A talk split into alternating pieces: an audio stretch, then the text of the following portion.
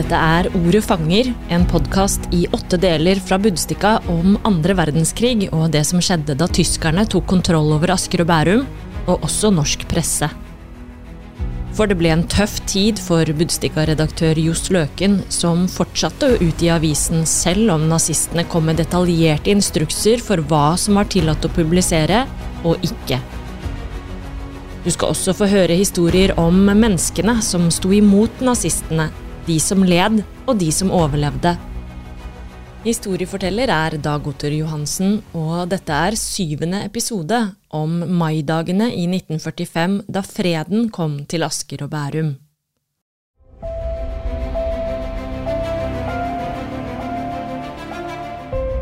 «8. mai 1945 kunne Busika igjen fritt skrive hva de ville. Klokka 15.45 dagen før kom beskjeden om at tyskerne kapitulerte. Den lille redaksjonen kastet seg rundt, og hele forsiden 8. mai var preget av nyheten. Norge er fritt igjen, sto det i store bokstaver over hele forsiden med informasjon om at kirkeklokkene skulle kime i Asker og Bærum fra klokken 15 til klokken 16 samme dag. På forsiden var det tre bilder. Ett av kong Haakon, ett av prins Harald tatt på syvårsdagen, og ett av kronprins Olav og kronprinsesse Maud. Snart kan de vende tilbake til sitt vakre hjem i Asker, sto det i bildeteksten om kronprinsparet. Dette vakre hjemmet Bustika siktet til, var selvsagt Skaugum. Under krigen var Skaugum blitt tatt i bruk som tjenestebolig for den tyske rikskommissæren Josef Terboven. Like før midnatt 8. mai 1945, altså samme dag som denne bildeteksten sto i Budstikka, valgte Terboven å ta sitt eget liv i bunkersen på Skaugum ved hjelp av sprengstoff. Sentralt plassert på forsiden 8. mai var det en hilsen fra hjemmefrontens ledelse. Våre sinn er fylt av glede, innledet hjemmefronten, og det var ikke bare motstandsfolkene som var fylt av glede. Busika kunne beskrive hvordan nyheten om tyskernes kapitulasjon ble mottatt. I vår lille stad stanset liksom tiden og trafikken et øyeblikk. Deretter brøt det løs. Folk svingte med hattene, ristet hverandres hender, mannfolk omfavnet vilt fremmede damer midt på gata og ga dem en dugelig klem.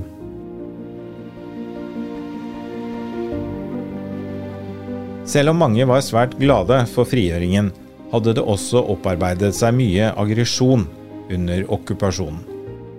Også denne aggresjonen fikk utløp disse dagene. I Sandvika hadde noen skrevet 'Quisling er en dritt' med hvit maling på en svart blendingsgardin. På andre sto det litt mer oppmuntrende 'Norge er fritt, og alt for Norge. Leve kongen'. Disse blendingsgardinene hadde vært påbudt i fem år for å mørklegge landet, og var forhatt blant folket. Det skulle ikke gå lenge før det knitret i et stort bål av slike gardiner rett utenfor Budstikkas redaksjon, midt i Sandvika. I femtiden om morgenen onsdag 9. mai rullet det lastebiler inn til Sandvika. De var fulle av mistenkte landssvikere. Samme kveld måtte to menn fra hjemmefronten rykke ut til Haslum. Der ble det meldt om at 15-20 personer sto utenfor et hus og ville true en kvinne til å komme ut fordi det gikk påstander om at hun hadde fløyet med tyskerne, som han kalte det. Personene utenfor huset trakk seg ikke unna før de to mennene fra hjemmefronten avfyrte skremmeskudd over hodene på dem. Mens alt dette skjedde, pågikk det samtidig et drama inne på Skallum gård på Stabekk. Der hadde tre norske stornazister forskanset seg. Det var justisminister Sverre Risnes, politiminister Jonas Lie fra Asker og statspolitisjef Henrik Rokstad. Og rundt gården krydde det med folk. Opp mot 40 korrespondenter fra den internasjonale presse sto utenfor og ville inn. De fikk nei. Det hjelper ikke om de så kommer fra Asker og Bærums budstikke, skal vaktposten ha sagt til Reuters. Og mens det ikke var noen vei inn for pressen, var det ingen vei ut for nazistene. Det sørget soldater fra hjemmefronten for. Det internasjonale pressekorpset ville derfor intervjue Skallums gårdsbestyrer Simonsen. Men også her var det nei. Simonsen ville at Budstikka skulle gå foran de utenlandske avisene. Og derfor kunne Simonsen i et intervju fortelle Budstikkas reporter at de tre nazistene hadde våpen og alkohol, men savnet nyheter. De fortalte fæle rykter om at nasjonalsosialister var blitt lynsjet og brent, og spurt om det var sant. Jeg svarte at det var blank løgn, og tilføyet at det var streng ordre fra regjeringen i London og hjemmefronten om human behandling av fangene. Dette intervjuet sto på trykk ettermiddagen 11. mai 1945. I samme avis listet avisen opp de mest kjente personene som var arrestert, en liste som inneholdt bl.a. ordfører i Asker, Reidar Negård, og ordfører i Bærum, Arthur Jahr. En hjemmefrontmann var sitert i avisen på at flere av arrestantene hadde meldt seg frivillig, og at de var tatt i forvaring slik at de ikke skulle utsettes for overgrep fra befolkningen. Dessuten kunne Budstikka informere denne fredagen om at Arbeiderpartiets Herman Stordalen igjen var på plass som ordfører i Asker etter å ha blitt avsatt av nazistene i 1941. I Bærum ble Bjarne Korvin fra Høyre midlertidig ordfører etter at førkrigsordføreren Torvald Bjølgerud døde i 1942. Senere samme kveld, 11. mai 1945, kom dramaet på Skallum til en brutal slutt. Ved 1930-tiden kom Sverre Risnes, justisministeren, alene ut porten. I hånden hadde han et hvitt lommetørkle som han holdt høyt hevet. Tilbake på Skallum lå de to andre døde. Både politimester Jonas Lie og sjefen for statspolitiet, Henrik Rokstad, hadde tatt sitt eget liv. Risnes skulle senere unngå dødsstraff. Under rettssaken hylte og skrek han, og ble dømt til psykiatrisk behandling.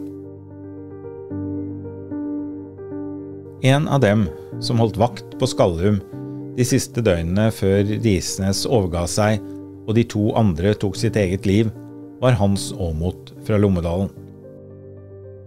Aamodt hadde i 1943 forlovet seg med Anna, tjenestejenta på en husmannsplass i Lommedalen. Det skulle gå ennå et par år fra forlovelsen til de kunne gifte seg. Våren 1944 ble Hans Aamodt med i motstandsarbeidet. Han ble spurt av fetteren om han ville være med, og sa ja med en gang. I hjemmefrontgruppen møtte han til sin store overraskelse storebroren Christian, som ikke hadde sagt ett ord om at han var med i hjemmefronten. To ganger var Hans Aamodt med for å ta imot våpen inne i skogen. Våpenet ble fraktet med engelske fly, og når lommedørene hørte flyene, sendte de opp bluss for å vise hvor de var, og så var det bare å vente på at fallskjermene med våpen skulle lande. En natt i mai var Hans Aamodt igjen klar for å ta imot et nytt slipp. Men ingen kom. Krigen var over. I stedet for å hente nye våpen kunne gjengen fra Lommedalen gå ned til mobiliseringsstedet Jordbærhaugen, svært glade over at krigen var over. Hans Aamodt skulle videre fra Jordbærhaugen til Skallum. Der skulle han ha vakt, og fra Lommedalen fikk han haik på planet på en lastebil. Men før han reiste, fikk Aamodt øye på en mann fra nabolaget. Et NS-medlem som sto der med rødkantede øyne og ba Milorg-folkene om å gjøre sin plikt og arrestere ham. Mens NS-mannen, som senere skulle få en dom, sto der og gråt, var stemningen i hjemmefronten desto større. Gruppeleder Jens Wulfsberg har i boken Milorg 13313 beskrevet turen gjennom Lommedalen nærmest som et triumftog. Dette å kunne vise seg for sine egne med våpen. Gutta hadde ordre om ikke å oppføre seg nazistisk, men det var likevel en herlig følelse å vite og vise hvem som hadde makten. Hans Aamodt lot seg intervjue av Budstikka i 2018. Her fortalte han om denne maikvelden i 1945. Vi kjente at vi var sjefen, sa han i intervjuet. Alt var over, vi bestemte, det var en god følelse. Desto dårligere for de andre. 17. mai øste regnet ned over Asker og Bærum. Men det var igjen tid for barnetog gjennom Sandvika og ned til Kadettangen. Denne nasjonaldagen var verken de søkkvåte barna eller korpsmusikantene alene. De hadde selskap av hjemmefronten. 17. mai-talen var ved Arne Sollesnes, leder av hjemmefrontens siviladministrasjon. Det ble en jubeltale. Snart kommer far, bror og slektning hjem fra utlandet, der de i de forskjellige våpen har satt livet inn for vår frihet. Er det ikke da strålende å kunne trykke dem hardt i hånden, se dem mandig inn i øynene og si Far, bror, jeg gjorde mitt. Budstikka gjenga hele talen i 18. mai-avisen ved siden av en notis om de såkalte tyskertøsene. Ifølge avisen hadde unge gutter i Bærum ikke vært så nøye om de skar ned i hodebunnen på kvinner som hadde vært sammen med tyske soldater eller offiserer. En kvinne måtte behandles på Bærum sykehus, og Budstikka henstilte ungguttene om å ta det med ro. Tyskertøsene vil nok få sin straff, konkluderte avisen. Og lederartikkelen 18. mai skulle gi et eh, første blikk på det som skulle bli Budstikkas selvforsvar. Vi har i alle fall gjort vårt beste.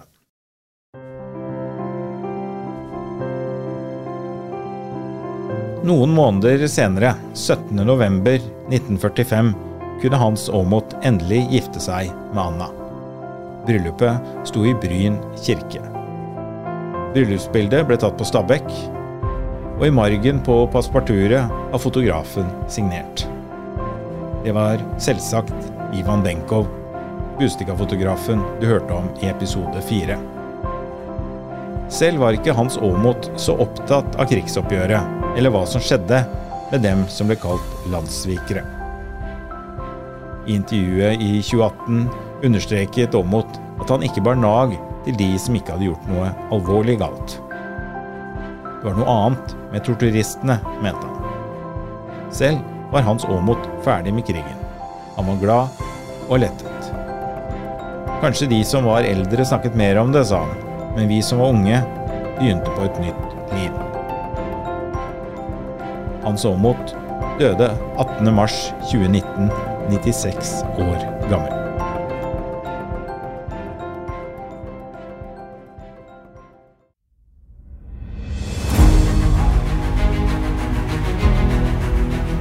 Du har hørt syvende episode av Ordet fanger, en podkast om Budstikkas historie under andre verdenskrig.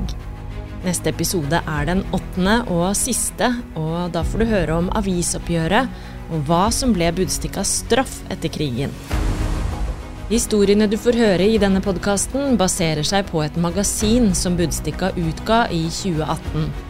I det arbeidet ble Budstikkas eget avisarkiv brukt, i tillegg til en rekke nasjonale og lokale arkiver og andre skriftlige og muntlige kilder. Tekstene til denne episoden er skrevet av Kine Thorsen og Sissel Wold. De ble bearbeidet og lest av Dag Otter Johansen og Morten Øverby. Produsent er meg, Ingvild Vederhus. Konstituert ansvarlig redaktør er Anniken Renslo Sandvik.